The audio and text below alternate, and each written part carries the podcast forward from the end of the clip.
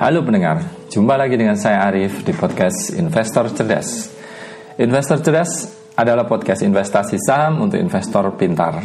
Kami fokus bagaimana meraih kesuksesan investasi yang aman, berkelanjutan, khususnya menggunakan paradigma investasi nilai atau value investing untuk mendengar komentar kami tentang buku The Intelligent Investor karya Benjamin Graham, silakan ikuti 20 episode awal podcast ini.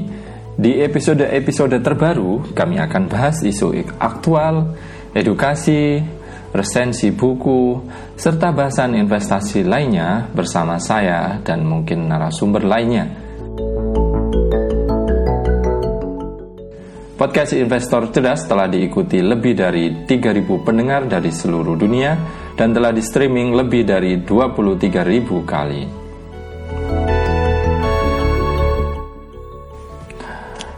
Pendengar, di episode kali ini kita secara khusus akan membahas uh, semua hal tentang penawaran saham perdana atau dalam bahasa Inggrisnya initial public oh, uh, sorry initial public offering atau IPO.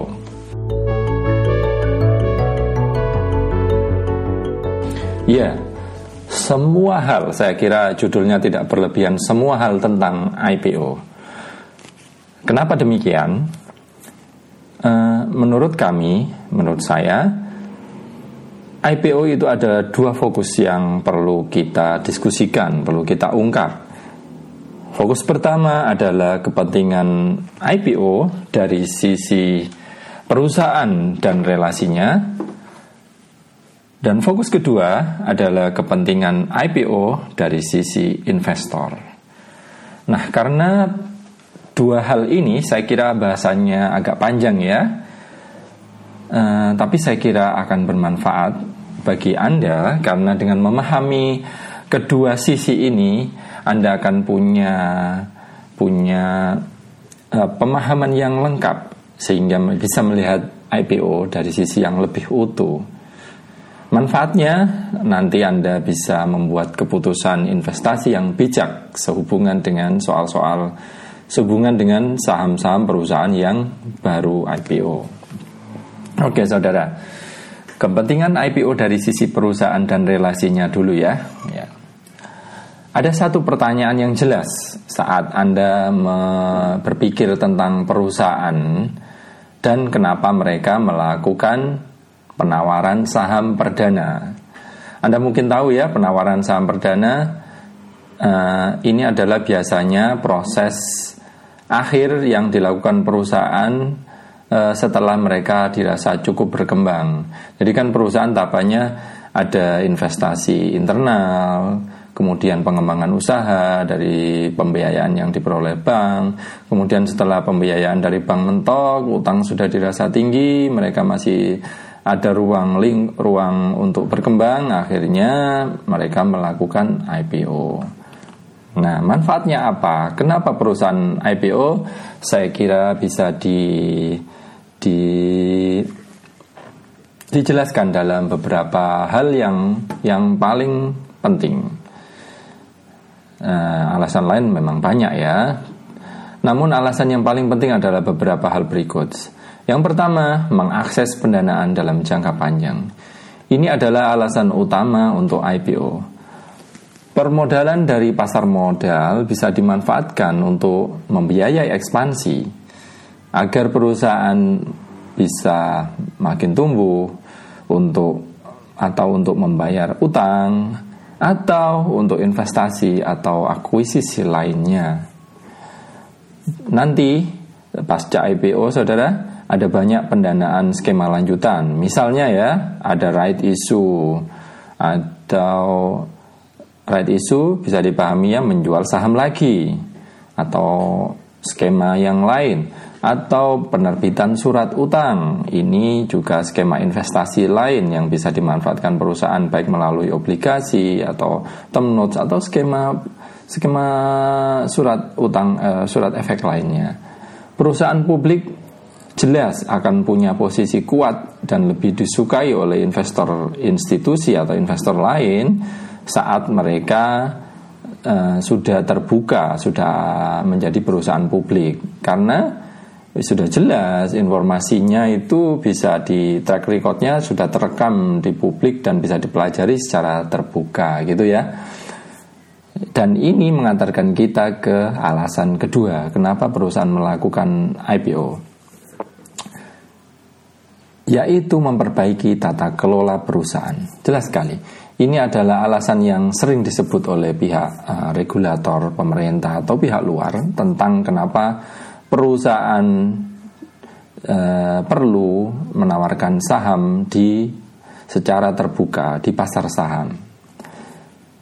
Tata kelola perusahaan makin baik, artinya administrasi prosesnya, administrasinya, evaluasi perusahaan itu, dan penilaian perusahaan itu berjalan secara terbuka. Dengan IPO, perusahaan akan dipantau oleh publik dan juga regulator. Kalau ada keterlambatan ini sebagai contoh ada sanksi bahkan denda. Prosedur administrasi uh, dan prosedur lainnya berjalan tertib untuk mematuhi aturan dan regulasi. Hal lain yang bisa dirasakan, IPO juga bisa mempertahankan keberlangsungan usaha ya. Khususnya misalnya ini contoh untuk perusahaan keluarga di generasi kedua atau generasi ketiga. Langkah IPO ini bisa menyelamatkan perusahaan agar terus survive. Hmm, seperti itu. Oke, next, kenapa perusahaan menawarkan saham e, ke publik? Ya jelas meningkatkan citra perusahaan, citra atau image saudara. Ini jelas sekali manfaat yang sangat terasa. Kenapa? Dengan menjadi perusahaan terbuka, ada harapan perusahaan lebih sering diliput oleh media, baik media cetak, uh, cetak atau online, media dalam negeri dan juga media luar negeri. Sangat jelas sekali manfaatnya. Tanpa mengeluarkan biaya public relation yang besar, bahkan banyak diperoleh secara gratis atau cukup menggelar, uh, cukup menggelar press conference di kantor mereka, citra perusahaan akan terbuka luas di media atau di sarana yang lain.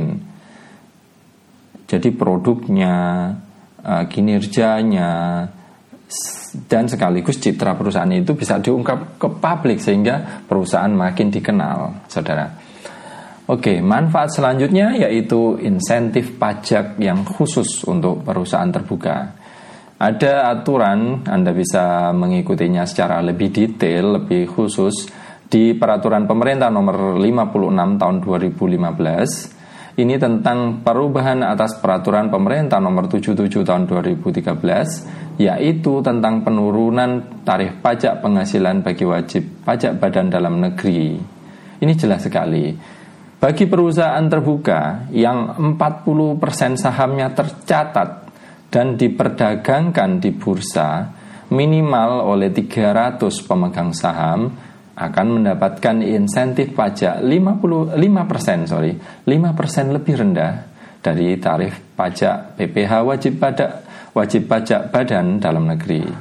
Sangat jelas, tarif pajak lebih rendah otomatis laba perusahaan akan meningkat. Laba meningkat ya efeknya uh, pengembalian misalnya lewat skema dividen akan bisa meningkat juga. Pemegang saham jelas lebih untung. Itu saudara. Manfaat keempat men, yaitu insentif pajak yang khusus ya. Next manfaat kelima yaitu meningkatkan nilai perusahaan nilai perusahaan itu. Nah ini adalah manfaat lain yang diincar investor inti di perusahaan itu Uh, Anda mungkin paham ya jika sebelumnya perusahaan nilainya hanya dimiliki oleh investor yang tertutup. Pasca IPO yang semula nilainya mungkin hanya senilai buku, akhirnya investor inti bisa cashing out karena sahamnya bisa dibayar lebih mahal oleh investor publik ya. Sehingga keuntungan mereka lebih tinggi itu dengan catatan ya, atau dengan anggapan jika perusahaan dianggap bagus dan punya prospek yang menarik oleh investor lainnya. Gitu saudara. Dan manfaat lain ini adalah pengamatan saya pribadi yaitu menghindari terkaman oknum dalam rezim pemerintah otoriter. Ini dulu saya pernah baca kisah ini saat uh, rezim Orde Baru misalnya ya, ada perusahaan yang cerita uh, mereka IPO sehingga bisa survive dari terkaman oknum seputar keluarga rezim. Sehingga contohnya saja, misalnya ada regulasi yang dihambat kalau perusahaan tidak melepas sahamnya ke dalam tanda kutip oknum rezim ter otoriter tersebut gitu saudara. Oke itu itu tadi eh, saya kira sudah cukup jelas manfaat perusahaan menawarkan saham ke publik ya. Yang selanjutnya saudara, saya rasa kita juga perlu mengetahui motif dalam IPO sehubungan dengan itu tadi kepentingan IPO dari sisi perusahaan dan relasinya ya. Motifnya apa dalam IPO itu? Sebagai investor cerdas kita perlu tahu karena um, dengan memahami ini meskipun tadi kita sudah sebagian besar mengetahuinya sekilas ya dari kenapa perusahaan melakukan IPO kita akan kalau paham kita bisa bijak dalam membuat keputusan investasi uh, perusahaan yang baru tercatat atau baru IPO itu. Yang pertama, perusahaan itu ingin mendapatkan dana dari IPO semaksimal mungkin. Artinya gini, bisa dipahami ya. Artinya gini, uh, katakanlah dalam skema normal atau dalam skema wajar nilai yang diincar adalah sekitar 300 miliar misalnya gitu saudara itu adalah penilaian wajar apresiasi wajar dari dari aspek keuntungan dari aspek buku perusahaan itu namun ya wajar juga dong perusahaan ingin mendapatkan uh, dana ekstra lebih banyak dari 300 itu bisa dipahami ya Harapannya kenapa? Kalau dana masuk lebih banyak, ya mereka bisa kasnya bisa bisa tersumbang lebih banyak dari proses IPO itu. Di sisi lain ada motif dalam IPO pro investor itu kan ya ingin membeli semurah mungkin, jelas kan? Eh, nah, tapi kita tidak akan membahas investor, ini adalah fokusnya ke perusahaan. Nah, di sisi lain penjamin emisi uh, punya motif ingin proses IPO-nya lancar. Kenapa mereka ingin lancar selain uh, memberi jasa kepada manajemen? Mereka juga perlu investasi, saudara. Dana untuk membayar saham perusahaan yang dilepas dari IPO kan dibayar oleh penjamin emisi lebih dahulu.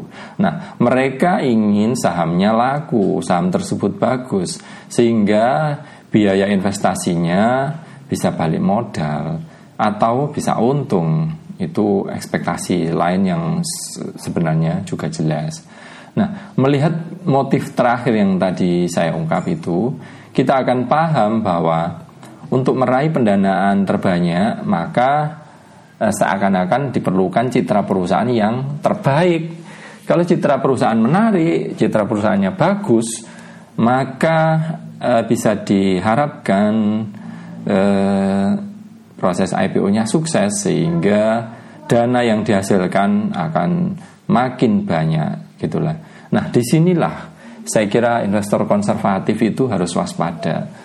Kepentingan citra yang baik sama-sama dimiliki oleh perusahaan dan juga penjamin emisinya. Itu tadi untuk dana yang lebih banyak dan penjamin emisi selain dana dana terbayar IPO-nya sukses kan kayak gitu. Nah, kepentingan untuk mencari untung ini tentu saja bisa berimbas ke sisi negatif. Apa misalnya? Contohnya memperbaiki kinerja perusahaan dari kinerja yang aslinya agar terkesan menawan, agar terkesan baik, agar laku IPO-nya, agar lancar. Seperti itu. Nah, saya kira itu aja kita perlu memahami motif uh, dalam IPO. Jadi kita sajikan tiga motif ya, motif perusahaan, motif penjamin emisi, dan juga motif investor. Nah, ketiga motif ini kan saling bersinggungan, saling berperang sehingga nanti mana yang lebih unggul ya ya itu yang terjadi. Namun investor bisa punya posisi yang lain tentu saja itu tadi sudah saya ungkap. Oke saudara, kalau Anda sudah paham kenapanya, kemudian motifnya, kita bisa melangkah ke hal selanjutnya yaitu proses IPO sendiri. Bagaimana sih proses IPO? Nah, kalau Anda ingin mempelajari hal ini lebih lanjut, misalnya khususnya untuk kepentingan perusahaan, di IDX sudah tersedia informasinya. Bisa dibuka di gopublic.idx.co.id. Di pusat informasi tersebut, Anda akan temukan beberapa informasi seputar IPO bagi perusahaan. Misalnya, manfaat-manfaatnya, persyaratannya, atau tahapan persiapan awal untuk IPO, Uh, proses go publiknya sendiri uh, juga tersedia informasi seputar peraturan-peraturannya, informasi penjamin emisi, nanti ada daftarnya perusahaan-perusahaan yang menyediakan jasa itu, serta informasi lembaga penunjang lainnya. Ada banyak perusahaan yang membantu proses penawaran saham perdana ini kan ada akuntan uh, publik, ada notaris publik, ada biro administrasi efek, ada konsultan hukum, dan terakhir ada bila diperlukan ada penilai atau appraisal yang uh, menilai ulang uh, aset-aset tetap sehingga nilainya bisa lebih baik gitu saudara. Nah, Anda bisa pahami proses IPO itu secara singkat gini aja, singkat sekali. Ada persiapan perusahaan, ya tadi sekilas, kemudian persiapan dokumen uh, dan kemudian pendaftaran atau administrasi uh, pendaftaran saham itu tadi ke bursa efek. Dan nanti kalau semuanya sudah lancar proses penawaran pemesanan saham. Ada istilah book building ya saudara ya. Nah di sinilah Uh, pemesanan saham di saham dipesan invest, calon investor. Kemudian nanti ada penetapan saham dan penerbitan saham. Sehingga akhirnya saham tercatat dan diperdagangkan di bursa efek. Gitu ya saudara. Sebagai ilustrasi saya boleh cerita ya ilustrasi penawaran saham hingga penerbitan saham. Ini ini bagi uh, investor pemula barangkali uh, tidak tahu ya informasi ilustrasinya singkatnya gini. Saat penentuan harga penawaran umum perdana itu ada proses imbal balik. Ada proses bolak-balik ya antara manajemen dan penjamin emisi atau underwriter untuk menentukan kisaran harga terbaik yang ingin ditawarkan dengan tujuan dan motifnya masing-masing. Jadi misalnya perusahaan ingin meraih dana. Misalnya oke nanti contohnya akan saya jelaskan. Di sini proses ada proses negosiasi. Nah proses ini bisa alot bisa susah tapi bisa juga lancar. Yang jelas nanti pada akhirnya akan terbit kisaran harga. Misalnya misalnya perusahaan menawarkan 300 juta lembar saham dengan kisaran harga 500 hingga 620 per lembar. Nah, kalau 300 juta kita bisa bicara kali 500 artinya nanti uh, perusahaan meraih dana 150 ribu uh, sorry 150 miliar sekitar itu ya saudara Oke, saya nggak akan berpanjang tentang contoh angkanya. Nah, kemudian masuk proses pemesanan saham. Nah, di sinilah calon investor, yaitu nasabah dari broker atau yang lain-lain dapat email atau dapat penawaran dari brokernya bisa memesan uh, saham tersebut. Nah, mem proses memesan ini adalah semacam voting ya, yaitu kan uh, underwriter atau penjamin emisi memberi kisaran harga seperti tadi 500 hingga 620. Nah, calon investor bisa memvoting apakah dia membeli di kisaran rendah 500, 500 hingga 550 misalnya dengan harga terbaik 540 misalnya kayak gitu atau justru membeli di harga tertinggi kayak gitu. Nah, dan juga nanti ada alokasi lembar yang ingin diincar investor itu. Nah, dari situ uh, uh, kemudian uh, voting terjadi dari kisaran harga layak masuk akal enggak. Nah, nanti akan mempengaruhi uh, terserap atau tidak saham tersebut, gitu kan? Mempengaruhi terserapnya saham tersebut. Sambil ngedit ya. Nah, jika permintaan atau demand pemesanan rendah atau mendekati kuota saham yang ditawarkan atau kurang, ya bisa jadi semua pemesan langsung dikabulkan di harga terbaik yang disepakati oleh investor.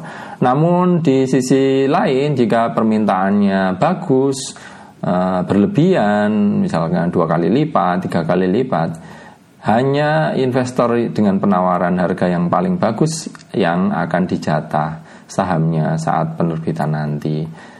Jika penerbitan kayak gitu saudara ya, jika permintaan sangat bagus bisa jadi hanya sedikit investor yang dijata. Misalnya, oke okay, sangat bagus sekali.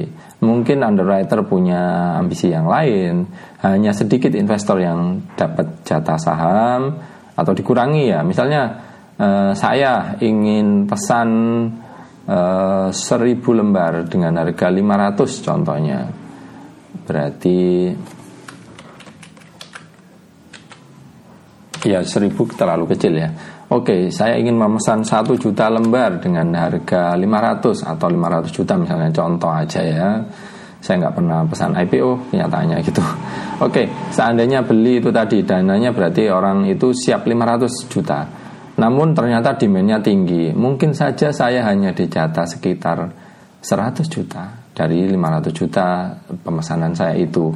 Nah, ke mana eh, saham-saham yang tidak dicatatkan itu? Saham-saham itu akan dilepas di pasar oleh investor institusi atau rekanan. Nah, proses IPO ini kadang misalnya kalau Anda dengar contoh yang terakhir tadi kan tidak mudah dipahami. Namun ini pas di, bisa diamati uh, sorry tidak bisa juga tidak bisa diamati oleh investor publik. Maka banyak misteri kan seputar IPO ini. Maka banyak terjadi kenapa uh, saham IPO ada yang naik gila-gilaan, juga ada yang turun dan seterusnya. Nah, saudara, dengan memahami kepentingan IPO dari sisi perusahaan dan juga relasinya, maka kita akan tahu ya sisi positif dan negatif masing-masing. Sehingga investor bisa bijak dalam uh, membuat keputusan investasi apa pun.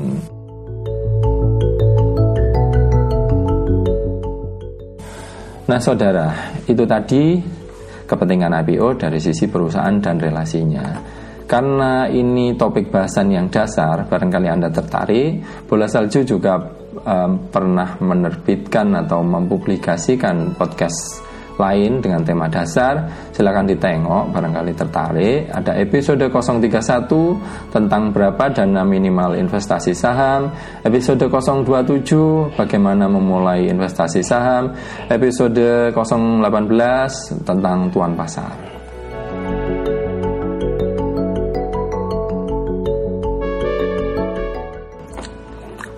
Oke saudara, sekarang kita beranjak ke kepentingan IPO dari sisi investor. Ada banyak yang bilang bahwa saham IPO itu selalu punya potensi naik, selalu dalam tanda kuncinya selalu. Apa benar seperti itu?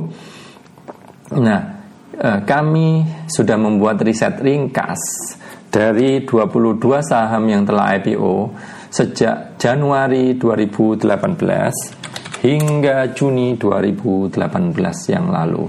Nah, kenapa tahun 2018 harapannya hingga Juni berarti mereka punya kinerja setahun gitu loh, saudara. Jadi bisa kita amati. Nah, tabelnya silahkan lihat di artikel bola salju ya. Ada 22 saham IPO. Nah, apa yang bisa diamati dari data itu? Saya kira semuanya adalah kinerja temporer itu jelas ya itu satu. Yang kedua eh, saya nggak tahu volume penjataan saham-saham tersebut. Jelas sekali. Apakah saham-saham yang perusahaan yang naik tersebut dijatah penuh dan disebar untuk investor? Bisa jadi enggak kan? Bisa jadi saham-saham yang naik itu sedikit. Atau justru malah beredar di internal saja. Sementara di sisi lain investor publik hanya dapat jatah dalam jumlah mini. Nah penjataan ini kan bisa punya efek terhadap kinerja perusahaan Contoh, eh, saham perusahaan yang disebar uh, penuh dengan demand yang tidak terlalu banyak oleh investor, ya perdagangan yang terjadi di bursa mayoritas oleh investor itu, meskipun hal ini juga bisa diragukan ya. Kemudian apakah keuntungan tersebut menggambarkan realitas kinerja perusahaan atau hanya kinerja temporer yang bisa terbalik pasca lima tahun nanti? Itu jelas sekali. Itu pandangan saya yang bisa diamati uh, dari pengamatan sah 22 saham yang telah IPO setahun yang lalu. Dari sini uh, Anda bisa lihat ada 12 perusahaan yang kinerja naik. Sementara itu yang turun juga ada 10 ya sorry. Ada 10 perusahaan. Nah dari yang turun ini bisa diperhatikan ada juga beberapa perusahaan yang cukup bonafit. Misalnya BRI Syariah juga Hermina Sari Melati Kencana atau Pizza itu asuransi Tugu Pratama semuanya turun saudara sementara itu MNC Studios juga turun Nah, yang naik MAP aktif naik. Nah, sementara itu ada sisi ada hal-hal lain perusahaan-perusahaan kecil yang naiknya juga ratusan. Itu kan nggak bisa kita nggak bisa kita telaah uh, peluangnya atau potensinya atau polanya gitu ya, saudara ya. Oke, itu tadi saya kira cukup. Apa benar uh, selalu naik? Tidak benar. Apalagi nanti keputusannya nanti di tahap akhir. Nah sekarang bagaimana mungkin anda bertanya bagaimana mencari informasi perusahaan baru IPO? Uh, eh, lihat prospektus saudara. Prospektus ini adalah dokumen yang wajib di dibuat oleh perusahaan yang akan IPO dibantu oleh penjamin emisi.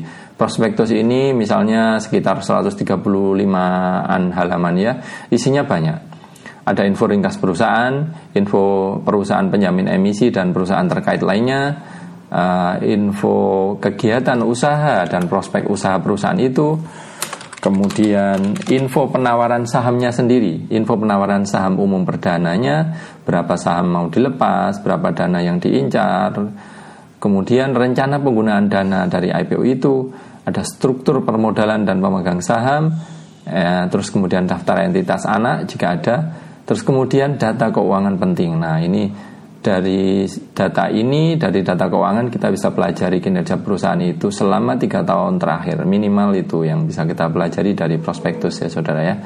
Kalau ingin data yang lain yang lebih lengkap tentu saja dari laporan tahunan. Biasanya kita bisa merujuk ke hingga ke empat tahun atau lima tahun terakhir. Kemudian ada risiko usaha dan juga kebijakan dividen. Saya kira itu itu tadi sudah cukup ya, bagaimana mencari informasi perusahaan baru IPO ya. Sekarang pertanyaan penutupnya, bagaimana sikap value investor untuk perusahaan IPO? Saya kira ada beberapa fakta objektif uh, soal perusahaan bari, baru IPO. Yang pertama, volume penjataan itu belum pasti, jelas ya. Satu. Yang kedua, kinerja perusahaan pra IPO jadi saat sebelum IPO itu belum tentu realistis saudara. Itu menurut opini saya. Ya yang jelas kinerja tiga tahun itu bisa jadi sudah di direstrukturisasi atau diperbaiki. Jelaskan kemudian struktur aset itu bisa diperbaiki. Perusahaan sehat bisa berutang. Utang bisa dibayar dari dana IPO banyak yang terjadi dengan pola seperti itu Kemudian ada juga perusahaan buruk bisa menjadi baik. Penjualannya kemudian pasca IPO justru turun atau pendapatannya turun. Kemudian piutang-piutang dihapus. Kan susah kalau kayak gitu. Itu adalah fakta objektif yang kedua. Kinerja perusahaan belum tentu realistis. Dan ketiga, kinerja saham pasca IPO di atas. Bisa Anda lihat di tabel di artikel bola salju atau podcast episode ini Meski sudah setahun, menurut hemat saya masih belum mampu memberi alasan logis, saudara. Itu menurut hemat saya. Ada perusahaan yang modal bisnisnya tidak jelas, sahamnya bisa naik ratusan persen. Ada perusahaan dengan model bisnis jelas dari grup terkemuka, tapi sahamnya turun parah. Padahal saat IPO publikasinya jelas, laporan keuangannya ada, laporan tahunannya lengkap, semua ada. Nah, kami percaya tidak layak mengejar potensi kenaikan atau kenaikan saham dari IPO karena banyak faktor abu-abu grey areanya masih banyak dan menurut kami bumbu spekulasinya terlalu tinggi Sebagai investor nilai, kami percaya kinerja saham itu tetap seperti timbangan. Itu prinsip dasar yang kami percayai. Jadi sama saja ya bagi perusahaan IPO atau saham lama. Kami justru senang dengan saham yang sudah terdaftar lima tahun di bursa misalnya, karena kinerjanya bisa dipelajari, kredibilitas manajemen bisa dilihat, dan sudah teruji selama beberapa tahun. Nah, mungkin Anda juga bisa bertanya ya, Masa nggak ada sih pengecualian sama sekali untuk perusahaan IPO? Ada tentu saja ya boleh-boleh saja. Sikap investor masing-masing kan ya bisa berbeda ya. Namun sebagai investor konservatif ada pengecualian ini dengan syarat yang ketat. Misalnya contoh investor paham modal bisnis perusahaan dengan baik. Itu satu jelas ya. Yang kedua, investor mengetahui rekam jejak integritas manajemen dengan baik. Yang ketiga, penawaran tersebut mempunyai unsur nilai yang bisa dieksekusi oleh investor dalam jangka panjang.